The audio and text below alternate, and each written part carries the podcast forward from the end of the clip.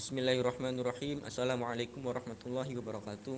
Alhamdulillah wassalatu wassalam ala Sayyidina Muhammad Insya Allah teman-teman kita akan melanjutkan pembahasan kita tentang pembahasan Nahu Yang berkaitan dengan isim. Sebelum itu kita harus meroja sebentar ya Bahwa sesungguhnya kali sesungguhnya kalam itu bisa tersusun dari tiga hal. Yang pertama tersusun dari isim Yang kedua fi'il dan yang ketiga huruf jadi saat ini kita akan membahas tentang isim dan uh, pertemuan selanjutnya insya Allah kita akan membahas tentang fi'il. Yang perlu kita ketahui bahwa ada beberapa kaidah yang harus kita ketahui.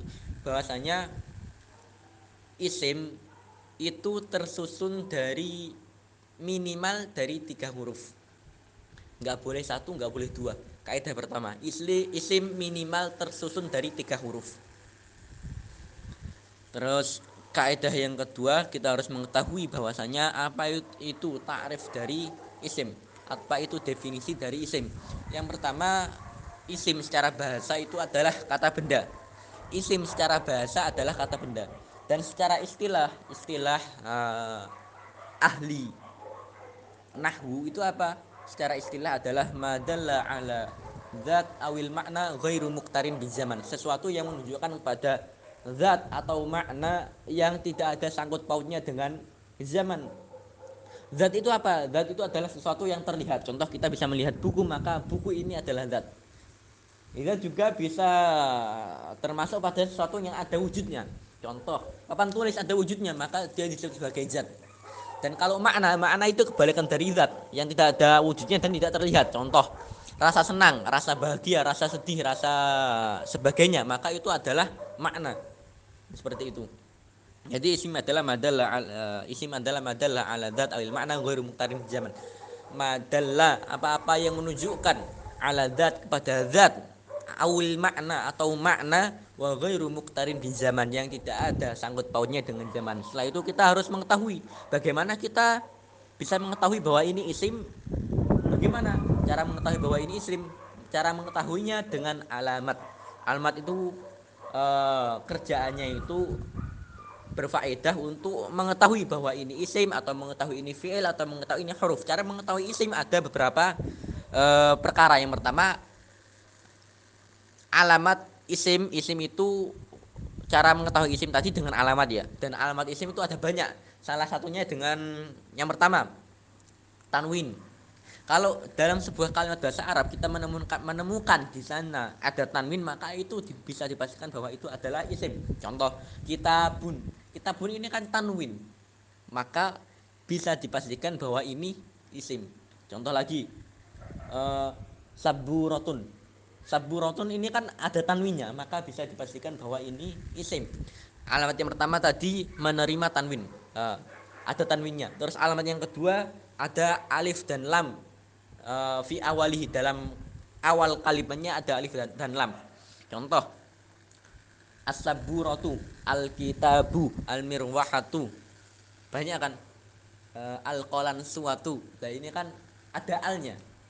Yang mana al ini adalah al tambahan, bisa dihapus. Contoh kitabun, kitabun gak ada alnya, tapi bisa ditambahi al. Al-kitabu. Kalau ada kalimat al kitabu, maka bisa dipastikan ini adalah isim. Yang kedua berharokat jer. Bisa berharokat jer. Jer itu apa? Jer itu kasroh. Contoh fil uh, nazartu ilal kitabi. Aku melihat kepada kitab. Ilal kitabi. Kitabi ini kan berharokat kasroh. Maka bisa dipastikan ini adalah isim. Karena yang berharokat kasroh tidak ada tidak yang tidak ada yang lain kecuali isim atau harfun. Tapi harfun ada uh, ada alamat tersendiri. Kita dari awal tadi kita tahu bahwa kaidah dari isim itu adalah yang pertama tersusun dari tiga kalimat atau lebih. Nggak boleh dari dua atau satu. Tapi beda lagi dengan huruf. Huruf itu bisa tersusun dari satu huruf doang. Contohnya bi. Lah ini kan huruf. Walaupun dia benar harokat kasrah tapi dia huruf. Kenapa? Karena dia tersusun dari satu huruf. Sedangkan isim itu tidak boleh tersusun dari satu atau dua huruf minimal tiga atau selebihnya. Seperti itu. Mungkin uh, kita akan mentalkis memberikan sebuah rangkuman bahwa pertama islim itu adalah madalla ala zat awil makna ghairu muqtarin bi zaman. Dan islim itu memiliki tiga alamat. Yang saya sebutkan tiga alamat.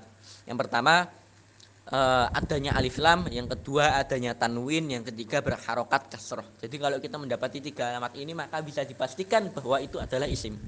Mungkin itu saja yang dapat saya sampaikan. Kurang lebihnya mohon maaf. Wassalamualaikum warahmatullahi wabarakatuh.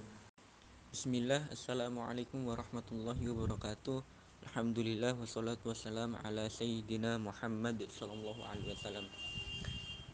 Alhamdulillah, insyaAllah uh, Kesempatan kali ini kita akan melanjutkan pembahasan kita tentang Al-Kalam. Bahwasanya Kita sedikit merojaah ya Kalam itu adalah uh, Lafdun al-murakabu al-mufidu bil Adalah lafad yang tersusun yang berfaedah.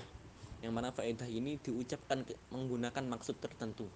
Ya seperti jaa Muhammadun ilal Makkah Muhammad itu pergi ke Makkah. Lah itu dinamakan kalam dan kalam ini bisa tersusun dari isim fi'il ataupun huruf. Jadi aksabul kalam salah sah yang pertama isim fi'il dan huruf pembagian kalam itu tiga. Yaitu isim yang kedua fi'il yang ketiga huruf. Sebagaimana contohnya contoh sebagaimana contohnya tadi jaa Muhammadun ilal Makkah. Jaa ini adalah fi'il. Muhammadun adalah isim. Fi ini adalah huruf. Makkah adalah isim juga. Jadi pembagian kalam itu ada, ada tiga. Isim fi'il dan huruf. Sekarang kita akan membahas tentang tarif atau definisi dari pembagian tiga itu. Yang pertama, pembagian yang pertama, isim. Apa itu isim? Isim adalah kalimah dalatun ala zat atau makna ghairu muktaron zaman yaitu kalimat yang menunjukkan kepada zat pada suatu zat atau kepada makna yang di mana zaman itu tidak ada di dalamnya. Contoh kita bilang uh, kita bilang kursi. Kursi ini zat. Nah, jadi ini dan kalau kita bilang kursi maka tidak ada zaman yang terkandung di dalamnya. Beda lagi kalau kita bilang uh, duduk lah kalau duduk ini adalah fi'il atau perbuatan. Contohnya jalasa. Jalasa itu artinya duduk jadi kalau duduk itu pasti ada zamannya. Bisa zamannya itu uh, akan terjadi atau sudah terjadi seperti itu.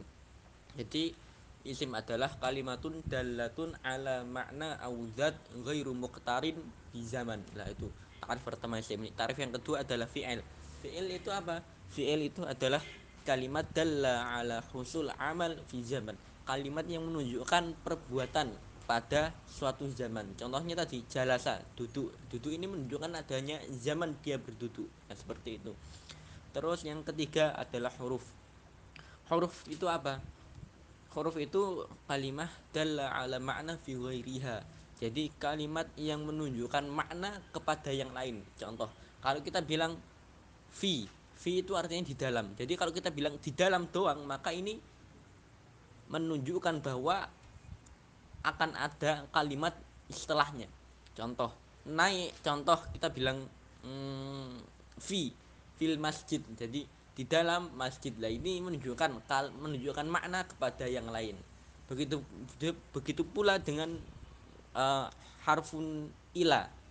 Ila artinya kalau dalam bahasa Indonesia itu artinya ke. Jadi kalau kita bilang ke pasti ada tujuannya. Contohnya ke Bandung. Lah kalimat ke ini menunjuk kalimat ke ini menunjukkan kepada makna kepada yang lain. Contohnya ke Bandung ke Makkah ke uh, ke kota-kota lah seperti itu. Jadi huruf itu adalah kalimatun dalla ala makna fi ghairiha. Kalimat yang menunjukkan kepada makna yang lain kepada yang lain. Kalimat yang menunjukkan makna kepada yang lain seperti itu. Uh, mungkin kita cukupkan. Uh, semoga bermanfaat. Wabillahi taufik wal hidayah. Assalamualaikum warahmatullahi wabarakatuh. Oke dalam pembahasan nahwu yang pertama adalah pembahasan tentang kalam sedikit info ya bahwa kalam itu adalah istilah. Dan semua istilah itu tidak bisa diartikan. Sebagaimana al hadis hadis itu adalah istilah. Jadi nggak bisa diartikan kalimat dari hadis ini. Beda lagi kalau sesuatu yang bukan istilah. Contohnya kalimat al kolamu kolamun ini bukan istilah jadi bisa diartikan. Kolamun artinya apa? Kolamun artinya pulpen terus bisa jatun bisa. Jatun artinya apa? Artinya bantal. Itu bisa diartikan. Kenapa? Karena bukan istilah. Jadi kalau istilah itu nggak bisa diartikan. Tetap kalam ya kalam seperti itu. Jadi menurut ulama nahu al kalam adalah al lafdu al murakabu al mufidu bil adalah lafat yang tersusun dan berfaedah tentu dengan maksud. Maksudnya apa ini lafat al kalamu huwa lafd kalam kalam adalah lafat lafat itu apa? Suara yang keluar ter, dan tersusun dari beberapa huruf hijaiyah. Jadi kalau kita berbicara dengan bahasa Indonesia maka itu bukan lafat karena lafat syaratnya harus tersusun dari beberapa huruf hijaiyah seperti itu. Begitu pula dengan suara burung. Suara burung itu bukan lafat karena nggak tersusun dengan beberapa huruf hijaiyah. Terus al murokab, murokab itu tersusun dari dua kalimat atau lebih. Jadi kalau kita bilang Zaidun, ini kan Zaidun ini tersusun dari beberapa huruf beberapa huruf hijaiyah. Zai, waya, wadal. Ini kan huruf hijaiyah. Tetapi dia bukan murokab. Dia mufrad, mufrad tunggal. Yaitu Zaidun doang. Ini kan satu kalimat, maka ini bukan dinamakan kalam. Karena syarat kalam yang pertama adalah lafat. Setelah lafat adalah al murakab harus tersusun dari dua kalimat atau lebih. Jadi kalau kita bilang Zaidun imun nah ini tersusun dari dua kalimat atau lebih. Ini namanya kalam. Kalau tersusun dari satu kalimat doang namanya bukan kalam. Terus syarat ketiga al kalamu huwa al lafdu al murakabu al mufid al mufid ini artinya berfaedah. Jadi kalau kita bilang in koma zaidun jika zaid berdiri. Ini kan lafat karena tersusun dari beberapa huruf hijaiyah. Terus ini juga murakab tersusun dari dua kalimat atau lebih. Ini kan in koma zaidun tersusun dari tiga kalimat. Kalimat pertama in. Kalimat yang kedua koma kalimat ketiga zaidun. Ini tersusun dari tiga kalimat. Tapi ini tidak berfaedah. Artinya apa in koma zaidun jika Zaid berdiri. Apakah memiliki faedah? Kalau kita bilang sampai itu saja, kan jika Zaid berdiri ini kan membutuhkan kalimat yang lain. Contoh, jika Zaid berdiri maka aku akan berdiri. Lah ini kan berfaedah. Tapi kalau kita bilang jika Zaid berdiri stop, nah, maka itu nggak berfaedah. Jadi syarat pertama, syarat ketiga dari kalam itu adalah berfaedah. Jadi al kalamu huwa kalam adalah lafat yang tersusun dan berfaedah bilwat ai. Dengan saat melafatkan itu kita memiliki maksud ya. Jadi kalau kita melafatkan tanpa sadar seperti kalau ngelindur ya. Kalau ngelindur kita bilang Zaidun imun lah ini namanya bukan kalam karena nggak ada maksudnya. Jadi kalam itu harus bermaksud seperti itu. Assalamualaikum warahmatullahi wabarakatuh Alhamdulillah dalam kesempatan kali ini Insya Allah kita akan melanjutkan tentang pembahasan pembukaan dari ilmu nahu Kemarin kita telah membahas tentang tarif dari ilmu nahu yaitu al ilmu bil ilmu dengan kaidah-kaidah allati yu'rafu biha ahkam dan mana dari kaidah itu kita bisa mengetahui ahkam akhir kalimat hukum-hukum akhir kalimat secara rinci seperti itu. Terus kita akan melanjutkan tentang maudhu tentang topik yang dibahas dalam ilmu nahwu. Topik yang dibahas dalam ilmu nahwu adalah kalimat Arabiah, kalimat yang berbahasa Arab.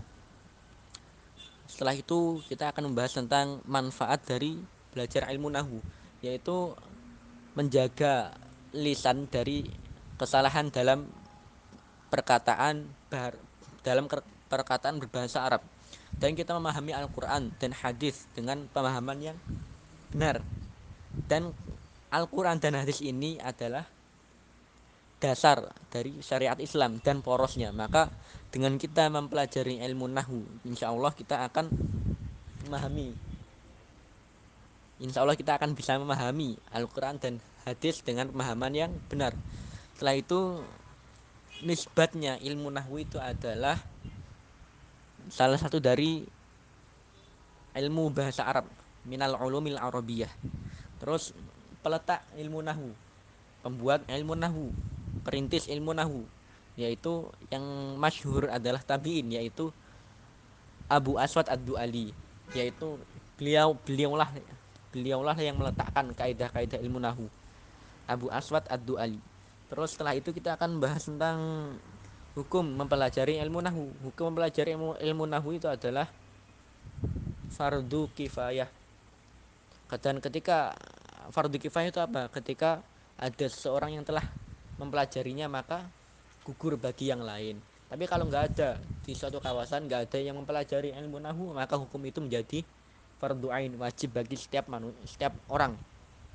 Seperti itu. Bismillahirrahmanirrahim. Assalamualaikum warahmatullahi wabarakatuh. Alhamdulillah Alhamdulillah Wassalatu wassalam ala habibina rasulina Muhammad Sallallahu alaihi wasallam. Teman-teman yang dirahmati Allah Subhanahu wa taala, insyaallah hari ini kita akan melanjutkan pembahasan kita yang uh, tentang ilmu nahu yang sempat uh, yang sempat tawakuf atau yang sempat berhenti beberapa bulan ya. Kami juga meminta maaf dan insya Allah sekarang kita akan melanjutkannya. Yang kita merujuk sebentar ya bahwa dulu kita telah membahas uh, yang namanya kalam. Kalam itu apa? Murojaah. Kalam itu adalah al-lafdul murakabu al-mufidu bil wati, sebuah lafat yang tersusun dari dua kata atau lebih yang memiliki faedah dan memiliki maksud tertentu dalam perkataan. Contoh, Zaidun imun. Zaid itu berdiri. Ini kan tersusun dari dua kata atau lebih yang memiliki faedah dan memiliki maksud, betul kan? Lah, seperti itu. Jadi, insya Allah jelas ya yang kita bahas sebelumnya bahwa al-kalam al-kalamul huwa kalam itu adalah lafdul murakkabu al-mufidu bil sebuah lafaz yang tersusun dari dua kata atau lebih yang memiliki faedah dan memiliki maksud tertentu seperti itu. Tadi kan kita bilang Eh, kalam itu adalah lafat yang tersusun dari dua kata atau lebih. Nah, sekarang kita akan membahas kata, definisi dari kata itu dan membahas dari pembagian-pembagian dari kata. Kata dalam bahasa Arab itu disebut sebagai al-kalimah. Al-kalimah artinya kata. Ya, seperti itu. Jadi, di dalam bahasa Arab itu kalimat itu terbagi menjadi tiga. Nggak ada yang lain kalau antum lihat, kalau Anda lihat di semua kitab yang berbahasa Arab, maka tidak terlepas dari tiga ini. Pasti tiga ini. Yang pertama, isim. Isim itu kata benda terjemahannya. Terus fi'il, fi'il itu perbuatan dan huruf. Huruf juga itu ya huruf artinya sama. Jadi al-kalimat itu terbagi menjadi tiga. Yang pertama isim, fi'il dan huruf. Ya. Jadi kalau Anda lihat di semua kitab berbahasa Arab pasti tidak terlepas dari tiga ini. Kalau nggak isim ya fi'il, kalau nggak fi'il ya huruf. Itu doang, tiga doang. Gampang kan? Insya Allah gampang. Setelah itu bagaimana kita mengetahui kata ini adalah isim, bagaimana kita mengetahui kata ini adalah fi'il dan bagaimana kita mengetahui kata ini adalah huruf. Lah, cara mengetahuinya itu dengan indikasi, dengan ciri-ciri, dengan alamat ya. Maka dari itu kita akan membahas tentang alamat isim terlebih dahulu. Kenapa kita mendahulukan alamat isim? Karena kita mengikuti para ulama dulu. Kalau ulama dulu itu membahas uh, dengan menggunakan isim maka kita akan membahas dengan menggunakan isim dulu. Isim itu terjemahannya kan uh, kata benda ya. Kata benda itu bagaimana kita bisa mengetahui bahwa ini adalah isim yaitu dengan indikasi yang telah saya sebutkan ya cara mengetahui ini adalah isim atau fi'il atau huruf ini adalah menggunakan indikasi dengan dengan menggunakan ciri-ciri. Terus ciri-ciri isim itu apa? Ciri-ciri isim itu yang pertama ada alif dan lam. Contohnya al-kitabu. Ini kan ada al ya. Al-kitabu. Lah maka kalau kita mendap kalau kita mendapati di uh, di di kitab-kitab bahasa Arab kalau kita mendapati huruf alif dan lam di awal kalimat ya kan maka kita maka kita akan pasti tanpa keraguan ini adalah isim seperti itu. Jadi kalau Anda mendapati dalam Al-Qur'an contohnya alhamdulillah ini kan ada alif lam, maka ini isim. Betul kan? Alhamdulillah. Nah, lillah itu ada alif lam juga. Maka ini adalah isim. Seperti itu. Banyak di Al-Qur'an itu banyak pokoknya kalau antum cari ada alif dan lam maka itu dipastikan isim seperti itu. Itu indikasi yang pertama. Indikasi yang kedua adalah tanwin. Jadi kalau Anda mendapati di dalam Al-Qur'an adanya tanwin, domatain, fathatain, kasrotain, maka itu di, bisa dipastikan tanpa keraguan itu adalah isim. Paham ya? Insya Allah. Jadi kalau Anda mendapati di sebuah kitab berbahasa Arab yang mana harokatnya itu tanwin, contohnya kitabun kabirun ya alkitabu kabirun alkitabu ini ada alif dan lam maka ini dikatakan isim kabirun kabirun ini ada tanwin maka ini dikatakan isim seperti itu Insya Allah uh, segini aja ya Insya Allah kita akan melanjutkan pertemuan berikutnya kurang kurang lebihnya mohon maaf Assalamualaikum warahmatullahi wabarakatuh Bismillahirrahmanirrahim Assalamualaikum warahmatullahi wabarakatuh Insya Allah hari ini kita akan melanjutkan pembahasan kita tentang ilmu nahu. Dulu kita telah membahas pembagian-pembagian hmm, atau macam-macam dari sebuah kalimat. Kalimat itu terbagi menjadi tiga. Yang pertama isim, fi'il, dan huruf. Dan kita telah membahas isim dan telah membahas alamat-alamatnya, ya kan? Isim itu kata benda. Alamatnya apa? kok ini kita tahu bahwa ini adalah sebuah isim alamatnya adalah bisa menerima alif dan lam dan yang kedua adanya tanwin contohnya alkitabu contohnya kitabun kalau nggak ada alif lam ya tanwin seperti itu terus insya Allah kita akan membahas tentang alamat fi'il jadi sebelum kita membahas alamat fi'il saya akan memberikan poin-poin penting terlebih dahulu jadi fi'il itu terbagi menjadi tiga. Yang pertama fi'il madhi, yang kedua fi'il mudhari, yang ketiga fi'il amr. Fi'il madhi itu apa? Fi'il yang menunjukkan sebuah perbuatan yang telah terjadi. Jadi kalau ada fi'il yang menunjukkan perbuatan yang telah terjadi itu namanya madhi, fi'il madhi. Terus yang kedua fi'il mudhari Fi'il mudhari itu adalah sebuah pekerjaan yang menunjukkan waktu yang sedang terjadi. Itu namanya fi'il mudhari. Nanti kita akan memberikan contoh. Ini ta'rif, ini definisi doang. Terus yang ketiga adalah fi'il amr. Fi'il yang menunjukkan kepada perintah seperti itu. Contohnya kataba yaktubu uktub kataba. Kataba ini fi'il madhi. Kenapa? Karena menunjukkan waktu yang telah lampau. Kataba artinya apa? Telah menulis. Ya. Kataba telah menulis. Kalau fi'il yang menunjukkan perbuatan yang telah terjadi namanya fi'il madhi. Paham kan? Insya Allah paham. Terus yang kedua, yaktubu. Yaktubu itu artinya apa? Sedang menulis. Nah ini kalimat sedang ini menunjukkan perbuatan yang telah terjadi atau yang sedang terjadi. Yang sedang terjadi kan, maka kalau sebuah fiil yang menunjukkan perbuatan yang sedang terjadi, maka itu adalah fiil mudhari. Terus yang ketiga, uktub. Uktub itu artinya apa? Tulislah. Ya. Tulislah itu maknanya apa? Kita disuruh untuk menulis.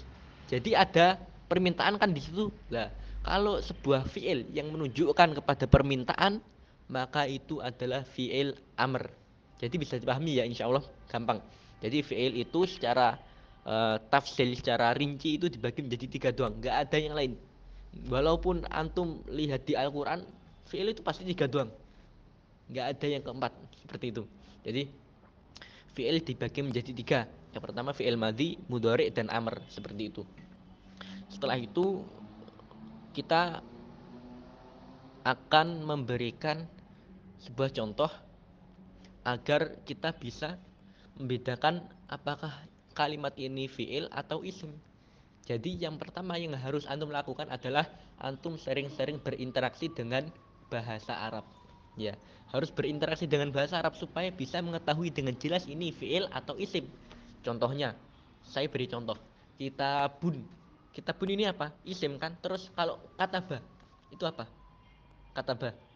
Kataba itu apa? Kataba itu adalah fiil.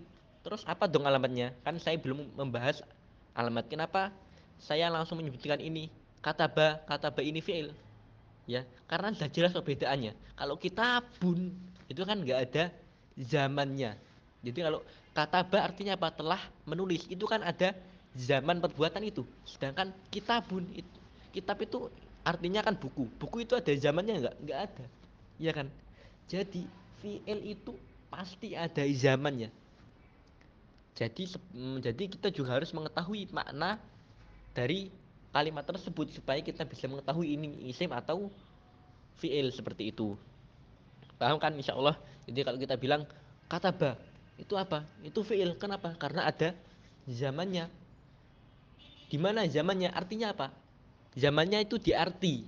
Contohnya, kata ba itu artinya telah menulis seperti itu. Lah zamannya itu kan telah menulis.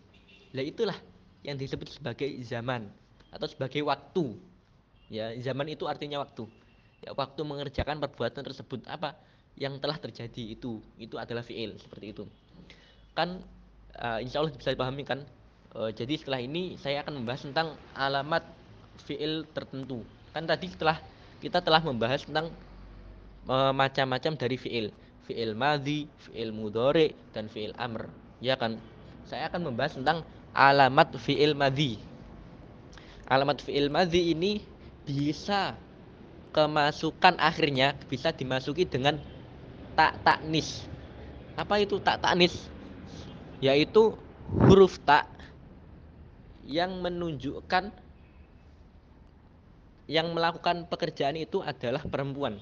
Contohnya kataba. Kataba ini kan nggak ada taknya, tapi dia fiil. Kenapa? Karena memiliki zaman, ya kan? Terus kalau ini fiil apa dong? Tapi kita sudah jelas dari artinya kita bisa mengetahui bahwa ini fi'il madhi. Tapi selain menggunakan arti, kita juga bisa menggunakan uh, sebuah alamat yang nampak seperti tak taknis. Nah, tak taknis itu tadi apa? Tak taknis itu adalah itu huruf tak yang mana tak ini sebagai simbol bahwa yang melakukan pekerjaan itu adalah perempuan. Contohnya kata bat, nah, kata bat, kata bat itu kan ada tak taknis akhirnya maka jadi artinya gimana dia perempuan telah menulis seperti itu Insya Allah eh, satu doang aja ya. Kita nggak mau lama-lama biar nggak bingung juga ya. Ini kan untuk per pemula biar nggak bingung maka eh, nggak eh, usah terlalu apa nggak usah terlalu ribet. Saya memberikan satu aja. Yang yang, yang yaitu akhirnya bisa kemaku, bisa kemasukan tak taknis.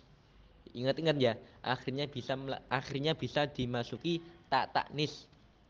Yaitu huruf tak yang menunjukkan yang menyimbolkan bahwa yang melakukan pekerjaan itu adalah perempuan contohnya kata bat artinya dia perempuan telah menulis seperti itu Insya Allah kita akan lanjutkan pertemuan berikutnya kalau ada kurangnya mohon dimaklumi Syukran. Assalamualaikum warahmatullahi wabarakatuh.